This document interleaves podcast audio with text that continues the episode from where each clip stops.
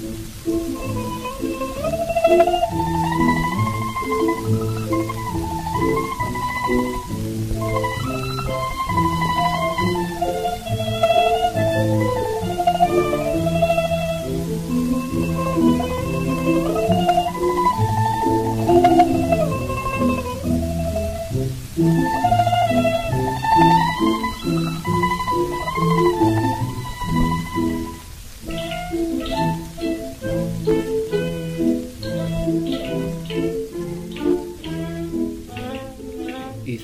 Þætti þá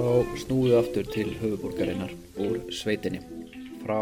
samuræjanum og bændunum sem halda uppi elitunni í heian og yfir til elitunar í heian. Og við ætlum að fara yfir svona um það byrj 40 ár af pólitískum hræringum innan hyrðarinnar. Það gæti verið svolítið rugglingslegur þáttur því að það eru mörg nöfn og mörg þeirra að byrja að Fujiwara no eitthvað eða Minamoto no eitthvað. Ég þau verði bara afsaka þann ruggling þá vildi ég sem hægt er að gera því svona eru bara nöfn þessa tíma.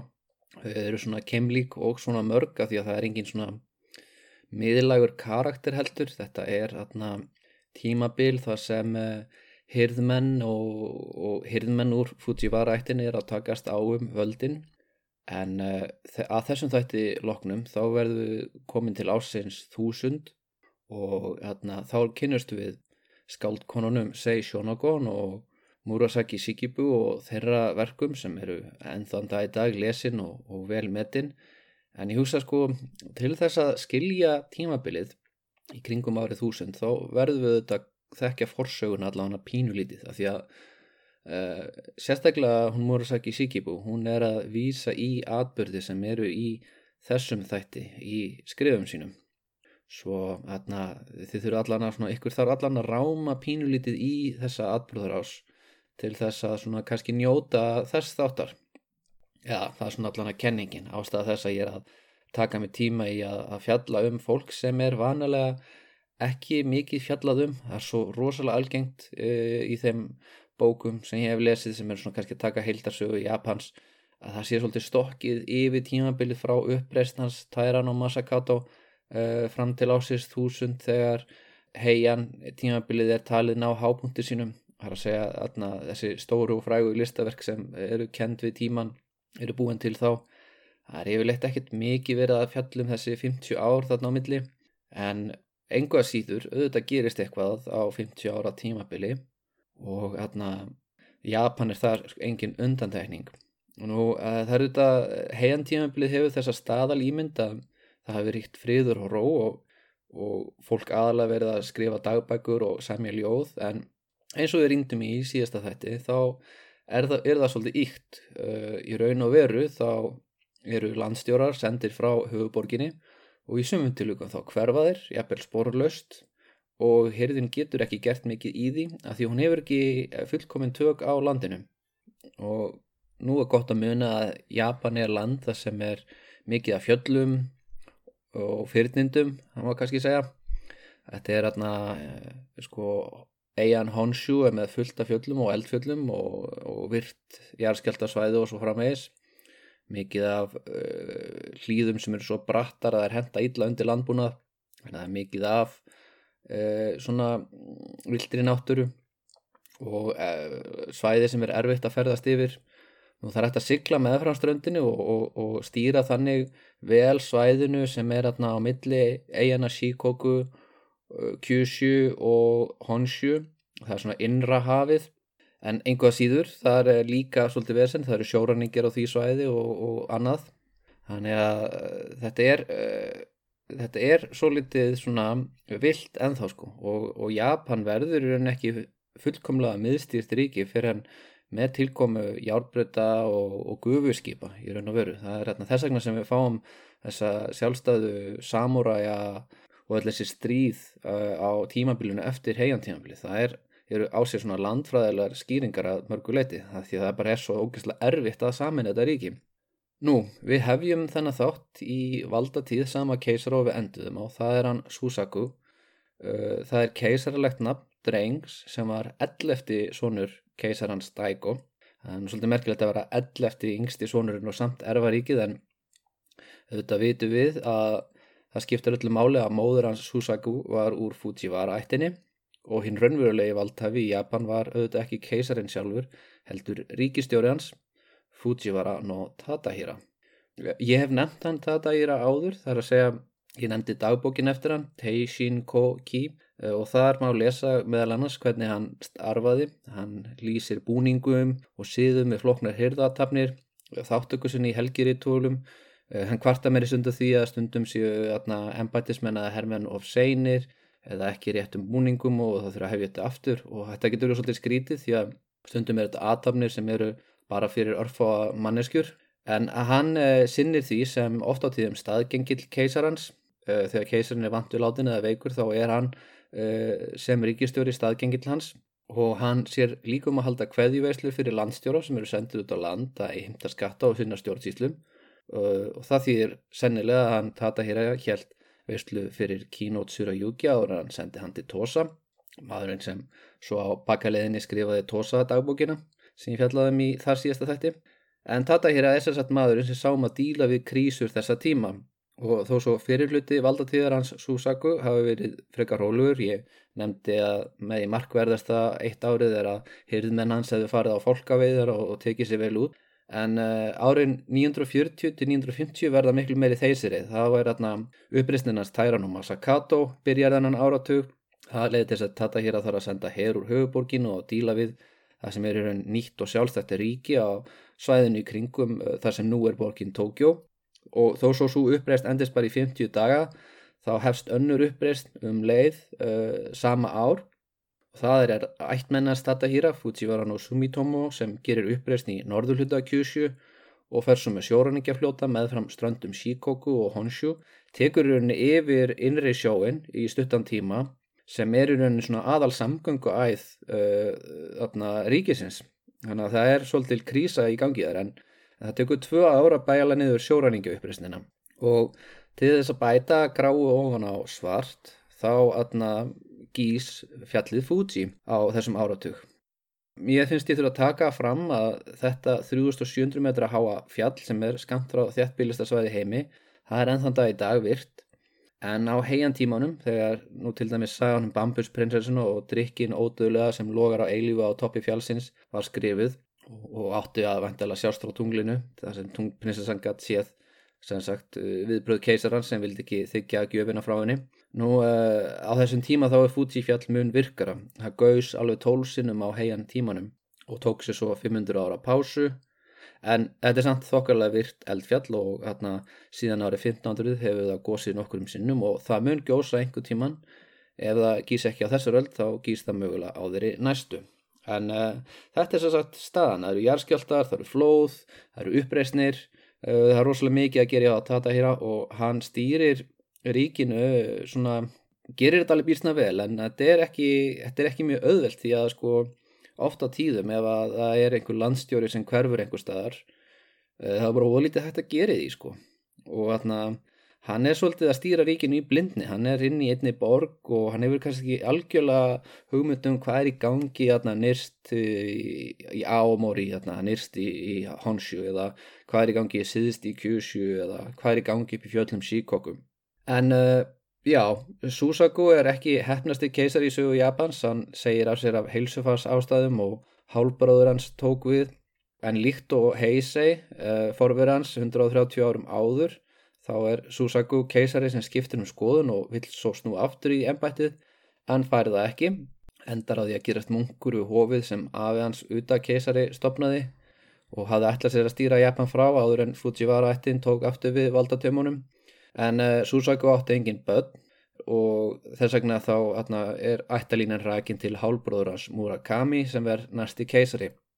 og á valdatíð Murakami þá verðu tengsl Fujiwara ættarinnar og keisarættarinnar enn nánar eða var hægt. Sonur Tatahira Morosuke hann fekk að giftast sístur keisarars og það var svo sem ekkert í fyrsta sinn sem aðalsmaður fekk að giftast eh, einhverju úr keisarættinni en munun var sá að, að sístur keisarans fekk áfram að halda sinni keisararlegu tign, hún var enþá titluð prinsessa og það hafði ekki gerst áður að atna, dóttir einhvers keisar eða sýstir hans eh, heldi þessum keisarlega titli á meðan hún var í gift einhverjum utan ættarinnar. En atna, með þessu móti þá er Fujiwara-ættin í raun búin að fá enn eina upphefðina. Og það vil svo til að eh, Kinshi prinsessa, eins og hann hétt átti með Morosuke eh, fjölmarkar dætur og þær urðu eiginkonur keisara og mæður eh, annara sem urðu síðar keisarar og í gegnum eh, þá ættalinu tryggir Fujivarættin sér áframhaldandi völd. Og þetta verðist nokkuð stöðugt gerfið síðan innan úr hyrðinni en auðvitað er ríkið lúmst óstöðugt.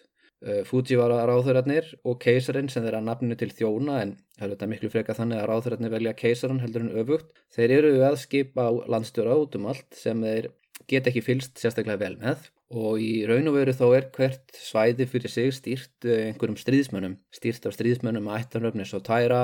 Minamoto og líka nöfnum eins og Fujiwara og Tachibana þetta eru uh, menn sem eru með svona aðals uh,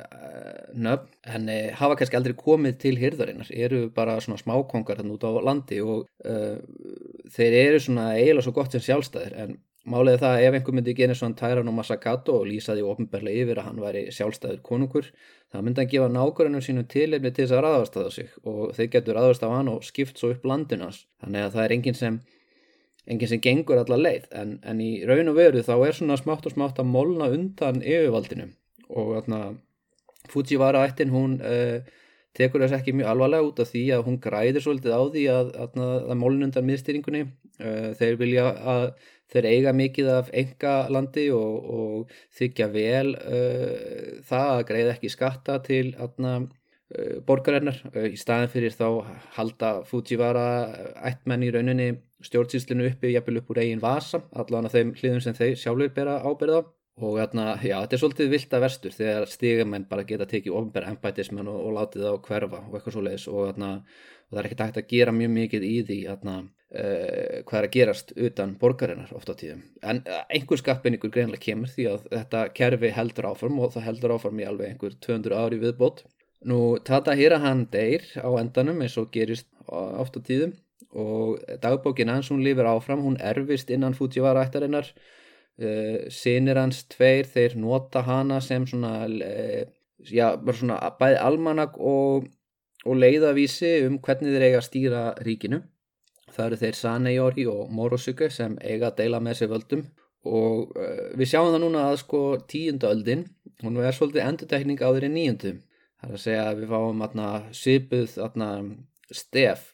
til dæmis kemsti valda keisari sem er óstöður andlega og nettur til að segja af sér.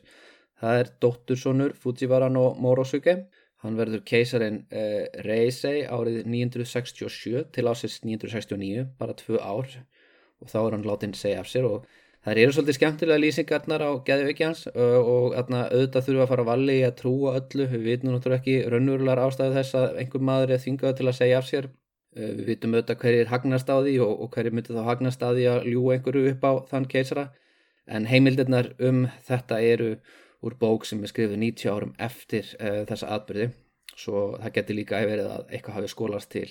En sem sagt Reysei Eitt, Reysei hann sparkar í atna, Kemari bolta þar til honum blætti og Kemari er forn japansk íþrótt, minnir svolítið á hakisak, snýst um að halda leðubolta á lofti bara með fótónum en Reysei hann var svo ákáður í þessum leik að hann held áfram að sparka í tuðruna þó hann var auglustla að meða sig. Sannunagagn 1 Sannunagagn 2 Reysei sendir föður sínum tippamindir, já, það er sem sagt Sitjandi keisari Japans sendir föður sínum, honum Murakami, fyrir um keisara uh, sem er bara eflaust að kyrja sútrur í rólihettum eins og fólk gerir þegar það er komið á eftirlaun. Ef það eru aðalsmenn þar að segja, aðrir fara ekki á eftirlaun. En uh, sem sagt, keisarin hann er eh, fyrirrandir á eftirlaunum að sinna sínum blómaskritingum og öðrum áhugamálum og eflaust að hlusta á ljóðalestur eða semja ljóðu sjálfur og þá, ég ímynda mér að þetta kannski nokkur nefn ekki svona, það hefur einhver þjóttmætt með brefið og áarpaðan yðar hátegn, yður hefur borist bref frá síniðar, keisaranum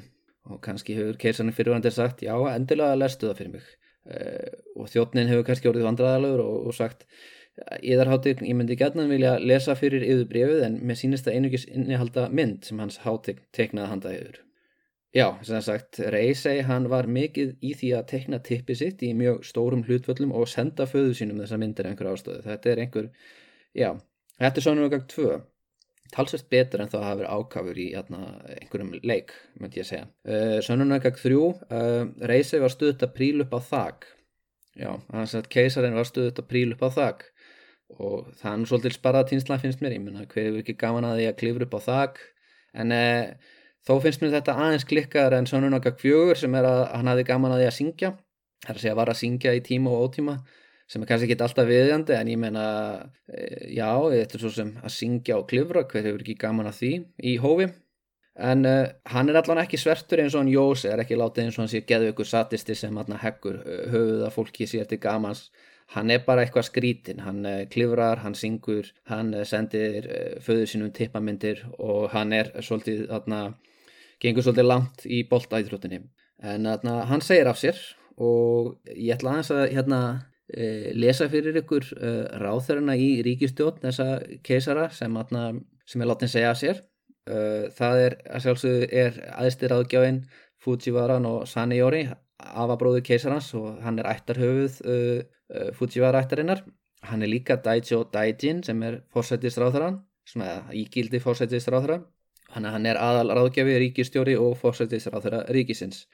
Næst hætti meðlumu ríkistjórnarinnar er ráðherra vinstrisins, maður sem nefnist Minamoto no Taka Akira. Hafið hann Minamoto no Taka Akira í huga. Hann er atna, karakter sem atna, gæti verið innblásturinn í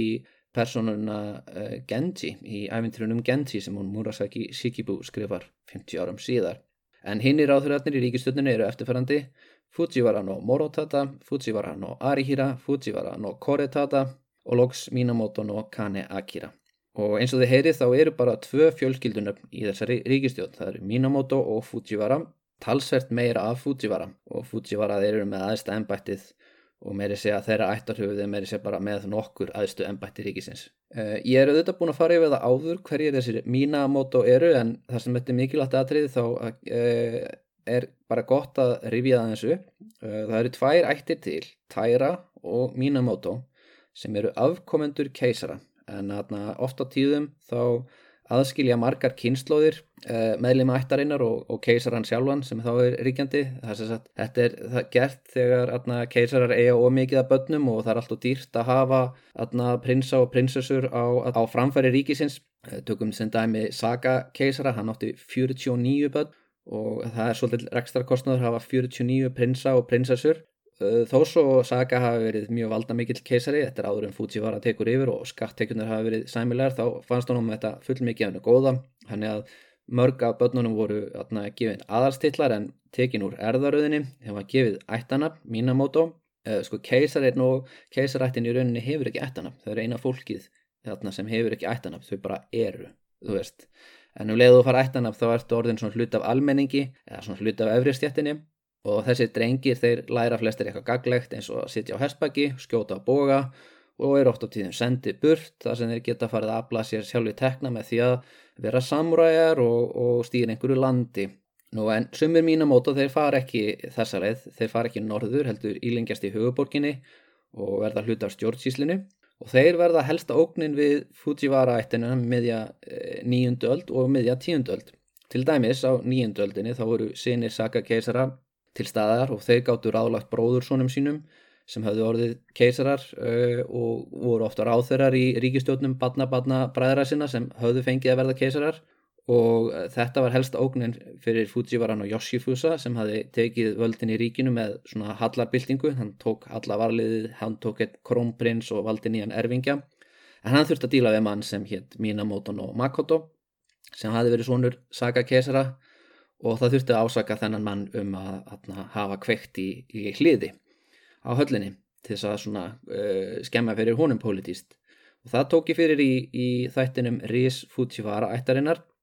en núna endur tekur svolítið kunnulega atbyrður á sig þar að segja fósættisraðurinn Fujivaran og Saniyori hún tilur sér verið að ógna Minamoto og Taka Akira og ástæðan fyrir því er tvíþætt. Nú í fyrsta lagi þá er Reisei keisari þessi klikkaði keisari sem er að senda föður sínum tippamindir hann er ekki ákomið til Saniyori móður hans er dóttir yngri bróður hans Saniyori sem er vissulega uh, Fujiwara kona en samt sem aður hún er ekki dóttir hann Sanjori þannig að Sanjori finnst hann get, ekki geta treyst keisaranum fyllilega. Þannig að hann er með fullt af góðum ástand þess að láta þennan eh, keisara að fara frá. Ég menna, maðurinn er að príla upp á hústökum senda tippamendir, sísingjandi allt þetta, en gallin er sá að næstur í rauðin er prinsinn Tamihira. Og vandamálið það að hann er giftur dóttur hans Minamoto Taka Akira hann er að Taka Akira er þið tengdafæðir keisarans og það er eiginlega komin svolítið hefð fyrir því að tengdafæðir keisarans Eh, sjáum að reka ríkið fyrir hann. Og Takakira er ekki bara tengdafæði keisarans, hann er líka föðurbróður hans þannig að þeir eru svolítið nánir í raun og verum. Málið bara það að Takakira er einn af mörgum börnum uh, hans Murakami og það, hann er bara búin að, að taka upp Minamoto nafnið að því að, að já, sennir átt af því að móður hans var ekki Fujiwara Þannig að nú er, eh, verður valdabártan svolítið flókin út af því að Fujiwara-ættin lendir í sipðum vanda og keisarafjölskyldan á síðustu öld. Það er að segja að Saneyori veit að hann getur ekki treyst yngri bróði sínum, Morosuke. Að því að herðu þeir í taldu fólkið í ríkistjóninni, Fujiwara og Morosuke sem er mjög metnaðafullu maður, uh, hann er ekki með ennbætti þarna. Það er mjög skrítið að velja ekki yngri bróði sinni að gefa hann um ennbætti en þið munið alveg að þegar ég var að tala um keisarana að keisararnir eru alltaf að passa sig á yngri bróður sínum og núna er ættarhauðið Fujiwara ættarinnar, uh, valdamesti maður ríkisins, farin að passa sig á því að gefa yngri bróður sínum ekki neinn bitastæð ennbætti. Og uh, hvað gerir Morosuke? Hann er búin að mynda bandalag með þessu Minamoto Taka Akira uh, af því að Minamoto Taka Akira er giftu dóttur hans Morosuke. Þannig að í rauninni er Fujiwara ættin að klopna og hluti Fujiwara ættarinnar er í liði með hluta Minamoto ættarinnar og atna, uh, það er í rauninni, atna, í rauninni eina sem ég finnst að þið þurfuð að skilja í þessu. Það er að segja að ættirnar ekki, skiptist ekki í skýrar fylkingar. Sumið Minamoto standa með sumum Fujiwara sumir Fujiwara standa með sumum Minamoto en árið 1969 þegar uh, Saneyori lætur hann reysei segja af sér þá er hann fljótur til og byrjar að ásaka ímsæfið hýrðina um landrað og þá eru margi meðlumir í Fujiwara-ættinni sendir í útleð og sumir sem vittna gegn þeim heita Minamoto, hafa það sem fornafn og eru aðkomendur ímissa mismunandi keisara og fá svo stöðuhækkun fyrir vikið. En uh, sumir Minamoto menn eru sendir í útleð til dæmis hann Minamoto no Taka Akira og þegar Taka Akira komin í útleðina þá er uh, lætur Sannióri keisaran segja af sér endanlega og finnur nýjan krónprins. Og það vil svo til að krónprinsin er ekki uh, sá sem var næstur í rauðinni, hann það meira heldur annan náðungi sem er vitimenn gift tóttur hans Sannióri þannig að Sannióri getur treystur sem gauðra því það er tengdasunur hans. Og þetta er það sem er sko Uh, þú veist, rauninni það mikilvægast að í, í þessu, það er eða aldrei konurnar eru aldrei nefndar á nafn en konurnar eru einhver síður þær sem tengja saman þessa valda pólitík. Það skiptir öllu miklu meira máli uh, hverjum þú verðt giftur oft á tíðum heldur en hver er bróðin skiptir meira máli hver er tengdafæðin heldur en hver er fæðin og, og svo framvegs en þarna uh, Minamoto, það má bera Minamoto fram á einn annan máta. Það má bera það fram sem Genji. Ættin er stundum kölluð Genji. Og Prinsinn Genji, hann er Minamoto, hann er sem sagt uh, maður sem er sonur keisara en er gerður að uh, almúamanni, já eða aðalsmanni. Og aðna, uh, það margir telja að, að hann Minamoto no Taka Akira sé eina fyrirmyndunum fyrir Genji. En þetta er smá vottur af Arivaran og Narihira á hennu líka. Við tökum það fyrir í setni þætti en rennum nú yfir það sem gerist eftir að Reisei segir af sér það er árið 970 eh, það tekur við náðungi sem fær keisaranarfnið Enju hann er bara 10 ára gamall á þessum tímapunkti og þarf að reyða sig á Fujivaran og Saneyori til að stýra ríkinu fyrir sig. En Saneyori nýtur þess ekki lengi það því hann degir bara árið síðar. Og þá tekur við móðurbróðir keisarans og annar tengdafæðir hann er giftur í rauninni dætur um begge þessara manna það er Fujivaran og Koremasa. Og hann endist heldur ekki lengi. Keisarinn er ekki nema 12 eða 13 ára gamall þegar móðurbróðir hans deyr og en hann þarf ekki að kvíða því hann á tvo eftirljóðandi móðubræður það eru Kanemichi og Kanei. Og það er sem sagt Fujiwara no Kanemichi og Fujiwara no Kanei sem eru báðir til í að taka sér að stýra ríkinu fyrir hann. En svo er bara spurningin hvor. Og uh, þetta ætti að vera auðvöldval fyrir kesaran hann vantreistir öðrum þeirra sem uh, þessum Kanemichi út af því að Kanemichi hann var með mínamóton og taka Akira í liði áður en Ságur var sendur í útleið og hann vildi fá prinsinn sem Minamoto stutti upp á valdarstól sem var keppinautur uh, hans Enju. Þannig að Enju ætti í rauninni alls ekki að velja hann Kanemichi sem ríkistjóra handa sér uh, þó svo hans í næstur í, í rauðinni. En Kanemichi gerir svolítið uh, svona sniðuðan hlut Hann mætir á fund keisarans með bref sem, segir, uh, sem hann segir drengnum að hafa verið skrifað af móður hans og móður hans, Fujiwara no Anshi, uh, sem var sýstir uh, þessa manns, hún er látin á þessum tímabóti, hún lést meðan drengurum var bara smápatt og þetta bref kemur keisarnum skiljanlega í uppnám, hann vissi ekki að það var til bref frá móður hans skrifað til hans. Og hann telur sér þekki handskrift móður sinnar. Og það sem stendur í brefinu er að keisarinn eigi að treysta honum Kanemichi ef eitthvað kæmi nokk tíman upp á. Og, kan, og Kanemichi er valinn sem ríkistjóri, því að keisarinn hann fær faktist að velja sér ríkistjóra í þessu tilviki út af því að það eru bara svo margir e, dánir og það er ekki komið nýtt ættarhöfu fyrir Fujiwara ættina og svona. Og Kanei verður þetta brjálaður e, að því að hann var í réttu liði, hann stutti keisarann í, í þetta ennbætti, hann atna, stóð ekki með keppinutans og hérna Og þetta er sannlega má skrifa á reynsluleysiði drengsins því að þarna, auðvitað, það auðvitað er engin leið fyrir okkur í dag að vita hvort brefið hafi raunverulega komið frá móður keisarans en ég hef ekki að segja að það sé frekar hæpið að Kanemichi hafi haft bref frá móður keisarans í Rassavasanum uh, í meir en tíu ár en aldrei sínt drengnum. Uh, og þú veist, það er allavega, þetta er svo, aðeins svo hendugt, það var að vitt svo til að hann er með bref það sem stendur móðurinn skrifa bara já, gerðu þennan manna ríkistjóra ef að bara, þú veist, þú hefur tækifæri til. Það er svolítið, svolítið hendugt en uh, þú veist, drengurinn þessi Enju, hann hefði í raun átt að skil, skipa hann Kanei af annar ástæðu út af því að Kanei er uh, þriðji maðurinn sem er tengdafæður hans, þar að segja Enju er giftur dætt dóttur hans uh, tveg, þess að tveggja síðustu ríkistöru og líka dóttur uh, hans uh, Kanei, en er ekki giftur dóttur hans Kanemitsi, þeir eru ekki með neina tengingu aðra en maður finna í þessu brefi en sem sagt, Kanei um, hann fær ekki vera ráþurra í ríkistótt sem að bróður hans skipar í. Og Kanemitsi hann grýpur líka inn í hirðpolítíkina með því að koma í vekk fyrir að atna, Dóttir hans Kanei, hún Senshi, hún verður ekki hækkuð í tign og gerð formlega að keisarinju. Heldur þessi stað þá lætt gera hann að keisarinju dóttir uh, frændaðra. Frændaðra er Fujiwara no Yoritata og þannig er í rauninni sko, þetta er svona annað skiptir sem að Kanei er, er augrað af honum Kanemichi svona, þú veist, það er aðna Já, þetta er aðna, auðvitað hefði í rauninni sjálfur sér hvaða aðna, prinsessa sem er getur orðið drottning þannig séð. Það eru aðna, hann er giftur alveg allavega þremur konum úr Fujiwara ættinni auðvitað er hann ekki að fara að velja sem keisarinn í einhverja uh, stúlku sem hefur ekki föður sinn lengur til staðar. En af því að hann Kanemichi hefur ekki neina dóttur til að gifta keisara með þá breður hann á þá ráð að skipa aðra keisarinnju sem er dóttir bandamanns hans uh, Fujiwara no Yoritata og ekki dóttir hans Kanei. Þessi bræður þeir standa ekki saman. Þeir eru líka keppinutar um völd En uh, allavega hún Senshi gerir skildu sína einhvað síður þó svo hún sé formlega séð ekki keisarinni heldur bara eiginkona, annars flokks eiginkona. Og þegar hjónabandið fer í framkvæmt ef svo má segja uh, þarna þegar þetta samgómmulag er ekki lengur bara trúlóðun millir tveggja barna heldur já, náið samneiti tveggja fullorðina einstaklinga fullorðina einstaklinga þá meina ég svona 14-15 ára fólk. Nú uh, þá egnast hún svon með keisaranum prinsinn Yasuhito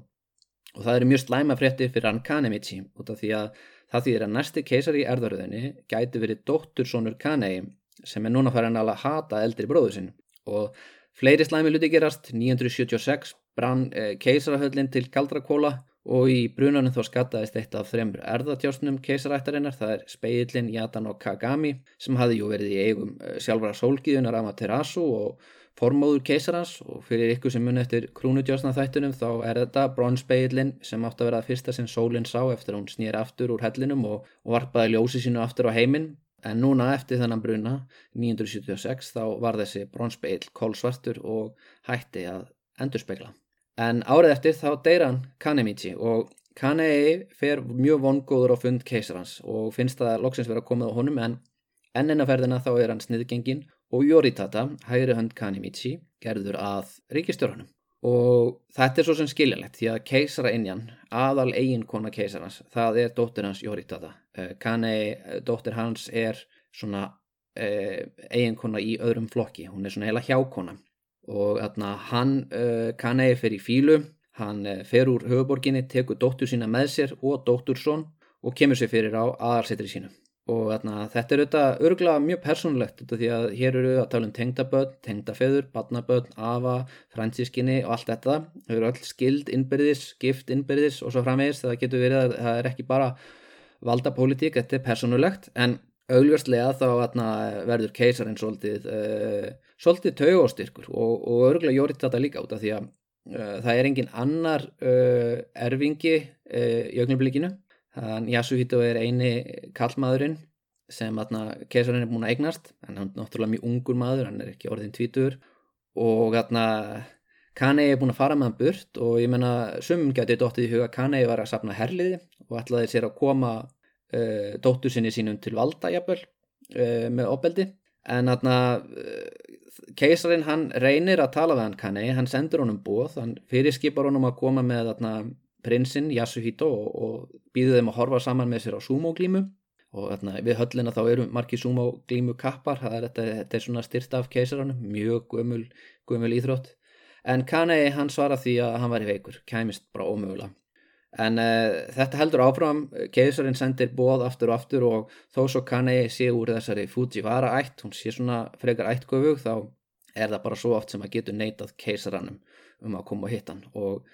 og eh, allir kanni sýnir sig ekki bara svo að Jóritata og keisarannum eh, fá ekki ástöðu til þess að bara handtaka hann hreinlega. Þannig að 983 þá mætir kanni keisarannum og þá er stungið upp á málamilun. Keisarinn stingur upp á, já, sonur hans Reysei sem þurft að segja af sér, en þú veist, einhvað síður Reysei er enþá með stuðningsmenn, hann býr enþá í keisarhöllinni, vil þá til að Reysei bara lifir alveg 45 ári í viðbót þannig að það er alltaf þessi hana, keisarar sem eru þingað til að láta segja af sér. Þeir lifa ógust að lengi og þeir sem sittast svo í keisarastólinn þeir lifa mjög stutt af einhverjum ástæðum. En uh, allavega kanni heyri þetta. Ok, sonur hans reyði segja á að taka við uh, og á móti þá mun þessi sonur hans reyði segja ætliða dóttursson kanni og gera hann að erfingja sínum. Hvernig, hvernig hljóma það? Og Kanei hann hugsa málið og hann samþykir þetta samkómulag og stutt eftir það segir Ennju af sér og við tekur sonur hans Reisei og tekur upp keisarannafnið Kazan. Og reynslan eftir að sína öllum að svona samkómulag eru brotætt út af því að þið munið þarna úr öðrum þáttum þá eru svipuð samkómulag gerð. Menn ætleiða sinni hvors annars og síðan skiptar um skoðun og ákveða að láta ekki ætleita svonin eh, erfa en uh, því skiljið alveg hvað ég meina. Þeir vil ekki láta bræður sína erfa heldur síni sína, ekki börn bræðra sína heldur börnin sín. Og auðvitað veit Kanei að ef hann Kazan eignast bann þá mun þetta fara fristans að láta það bann fara fram yfir í röðina fara framfyrir í röðinni. En uh, hann fær tækifæri. Þegar Kazan er bara 19 ára gammal þá er eina eiginkunum hans ólétt. Þetta er fyrsta óléttan. Og þetta er uppáhalds ástkona keisarans að því okkur skilst á sakfræðiritinu Okagami sem Fujiwara ættin létt skrifa. Og skiljalega er keisarins bentur, þetta er fyrsta badnið hans og svona, en það vitt svo til að uh, konans deyir í badspöði og badnið deyir líka. Og hann er rosalega harmislegin og þarna nú nýtir Kanei tækifærið, öllöldur einn af sónum hans sem er orðin trúnaðavinu keisarans, hann uh, sannfærir keisaranum að eina leiðin til að lifa lífin áfram væri að ganga í klöstur heimurinn væri svona hverfull og anstyggilegur lausnin væri bara eh, í bóðorðum búta og þeir ætla að ganga saman í klöstrið þeir fara á svona miklu fylgdaliði eh, keisarinn Kazan og, og sonur hans Kane maður sem nefnist Michikane eh, Fujiwara no Michikane og þeir uh, fara af stað uh, með pomp og prakt og koma í klustrið og þá fær uh, Kanei svona bak, nei þá fær hérna Kazan, keisarin Kazan sjáðu því ég, ég er farin að rugglast sko, ég er með nöfnum fyrir fram að mig ég veit ekki hvernig það er fyrir ykkur að hlusta á þetta. En hérna, sem sagt keisarin hann fær bakþonga, hann vil snúa við en þá segir Fujiwara no Michikane vinnur hans að þetta sé of sent þetta er allt saman frágengið. Krúnudjósnin þrjú, sverðið, speillin og gímsteinin eru komin í hendurnar á, á eh, krónprinsinum og hann er orðin keisari, keisarin getur því ekki snúið við, hann er nú þegar orðin fyrrum, fyrrum keisari. Og þetta er lígi eh, Kazan getur á þessum tímapunkti auðvöldlega bara snúið við og haldið áfram að vera keisari. En eh, þessi stað þá fyrir hann inn í klustrið sest niður og hann eh, ætlar að sverja eigðin með vini sínum en Michikane eh, segir að það sem keisarin sé aðri en hann þá eigi hann að, að láta raka höfu sitt fyrst. Já, það verður nú bara, veist, sjálfsögð virðing við svona fyrrum keisara sem er auðvitað, auðvitað gengur hann e, fyrir. Og keisarin sérst niður, rakar hár sitt á höfði, sver eigðin, er orðin munkur og lítur yfir á Michikane sem byrjar að hika og segist vilja sjá föður sinn einu sundi viðbótar áður en hann gengur í klöstrið og þá fattar keisarin að það er búið að hafa hann að fýbli en núna, núna er þetta virkilega orðið og sent hann er búin að sarja eigðin, hann er búin að segja af sér hann er búin að krúnuraka sig og Michikane hann uh, fer út um hliðið sem skellur, já, kannski ekki lás uh, þú veist, keisarin er nú frjálsverða sinna ennþá og hann áfæktist eftir að, að, að gera ímislegt sem ungur. Hann stopnaði meðal annars pílagrímaleið og, og uh, mjög þykir mjög mikill og merkur helgi maður en verður ekki keisar aftur upp úr þessu. Og þegar Jóritata fær þessa fréttir, hann er á þessum tímapunkti ríkistjóri, Jóritata heyrir þetta og hann heyrir að dóttursonur hans Kanei er atna, komin með krúnutjásnin og þá áttar hann sjálfu sig á því að hann get, getur ekki gert neitt í þessu. Hann uh, segir af sér sem ríkistjóri og fer á eftirlaun og Kanei er loksins orðin ríkistjórin og þá eru við komin á, á þennan punkt þennan uh, stað þar sem atna, Ichijo verður keisari og sínir hans Kanei eftir að berjast um völd á hans valdatíð en það sem er kannski miklu miklu merkilega er það að uh, skáldkonurnar Sei Shonogon og Murasaki Shikibu eru við þessa hyrð að skrifa bækur sínar sem eru atna, já, uh, það sem verður umfyllarnefni næstu uh, tveggja þáttam um, en atna, hvað meira er búið að vera að gerast á þessum tíma? Nú menningin er búin að þróast hún er orðið miklu japanskari hún er búin að breytast. Í, í Kína þá er komið nýtt keisaraveldi það er Song-veldið það búið að saminja Kína aftur. Uh, auðvitað í Evrópa þessum tíma þá er vikingaöldin í byllandi í gangi og, og uh, vikingar að hrella England og Írland og, og hérna jafnvel að, að nálgast það að finna Ameríku. Uh, kristnina breyðast út ekki alveg komið til Íslands. Trúin er, er líka farin að þróast í Japan, hún er byrjuð að breytast og það má segja, mér finnst það mætti kalla þetta jafnvel þriðju bylgu bútisma. Það er að segja ef fyrsta bylgjan eru þarna uh, þegar bútismin kemur frá kóru og það eru stopnaðir alls konar svona skólar, uh, elítuskólar í, í rétt fyrir næra tímabilið þar sem þarna bæði verið að, að, að kenna Theravada bútisma og Mahayana bútisma og Vajrayana bútisma svona saman, alls konar flóra. Það er ekki kannski fyrsta bylgjan þetta er svona elitursport á þeim tíma. Önnur bylgjan geti svo verið atna, þegar hann Kukai uh, fer út til Kína á samt öðrum og, og kemur tilbaka til Japans með uh, Shingon og Tendai. Tendai verður eiginlega svona ríkistrúin en Shingon nýtur mikill að vinselda meðal efri stjættarinnar sem fílar þessa floknu atna, uh, já þessa svona þessa floknu atna tólkun á bútismannum sem er uppfyllt af leindardómi og, og, og svona leinimáli og, og allsken svona hluti. Þetta er svona, eh, manni líður eins og maður sé meðlumir einhvern sérstökum klúb eh, þetta er svona óaðgengilegur bútismi ef svo maður segja. En auðvitað tenda er e, ríkistrúin og flestar aðtapnir við hyrðina er tengdar þessum tenda söfniði fyrir ekkar en Shingon söfniðinum en, en einhvað síður já, hvað er svo þrýðabilgjan og það er þegar uh, trúin á, á atna, paradísin í vestri byrjar að breyðast út. Uh, þarna það er sem sagt fólk fer að trúa því að þessi heimur sé ofspiltur til þess að hægt sé að öðlast uppljómin í honum. Og leiðin út er að, að, að, er að fara með nabbúta réttur í dauðan uh, Amida, Nenbutsu búta það er hérna ekki þessi sögulegi búta sem var á Indlandi heldur er þetta svona einhvers konar himnesk vera sem eh, sækir þig á döðunum og leifir þér að því þú trúir á hann að endurfæðast í nokkurs konar paradís í vestri þar sem þú átt mögulegan á að öðlast uppljómun og verða sjálfur búta þetta er svona já, meira þrepaskikt en þetta er svona aðgengilegra og, og breyðist út meðal almennings fyrst og hvers síðan að breyðast upp á við til atna, toppana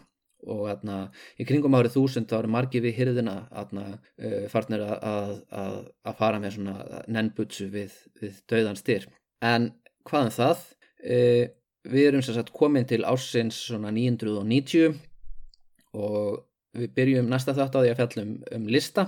lista yfir skemmtilega og leiðilega hluti, pyrrandi og aðteglisverða hluti og það er skrif hennar Sei Shonogon. Og þau eru alveg frábær því að með í gegnum hennar skrif þá kynnustu þið svona höllinni að innan fáum lýsingar á fólki og, og siðum og allskyns svona spennandi hlutum. Og etna, á þessum tíma er Japan búið að ná uh, 7 miljón uh, manna íbúafjöldi og borgin Heian sem var í kringum 100.000 íbúa árið 800 nær 175.000 uh, manna íbúafjölda og það gerir Heian að 50 fjölmennustu borg í heimi á þess tíma en já Í næsta þetti þá er pólitík og bókmyndir uh, í fyrirrumi. Uh, það verður aðeins minna um nöfn, þetta verður ekki jafn flókið. En svona til að suma upp þennan þátt, uh, þá má ég rauninni segja að þessi þáttur hafi verið lýsing á því að eftir að Fujiwara no Tatahira deyr, þá klopnar Fujiwara ættin og það er hörð valdabárta sem endar með Sigri hans Fujiwara no Kanei. Og það eina sem ógnar völdum Fujiwara ættarinnar eru eru fyrrum meðlimir keisarættarinnar uh, karlar sem eru af mínamóta ætt og njóta þar leðandi virðingar, verandi sinir keisara en uh, verandi samt ekki svo heilagar fígurur að þeim ekki taka þátt í pólitíkinni og já uh, við munum núna í næstu þáttum kynast Fujivarættina á hátindi valdæsina en svo tekum við nýtt tímabill þar sem Minamoto og Tæraættin fara að berjast um áhrif og ítök. En það kemur setna. Uh, ég þakka ykkur að sjálfsögðu fyrir hlustunina og vona að þetta hafi verið ekki oflókið og alveg frólægt. 硬い紙紙も角取れてアマンテルズボンに人力車。粋な側発ボンネット。貴女に紳士のいでたちで上辺の飾りは良けれどもあ政治の思想が欠乏だ。あ天地の真理がわからない。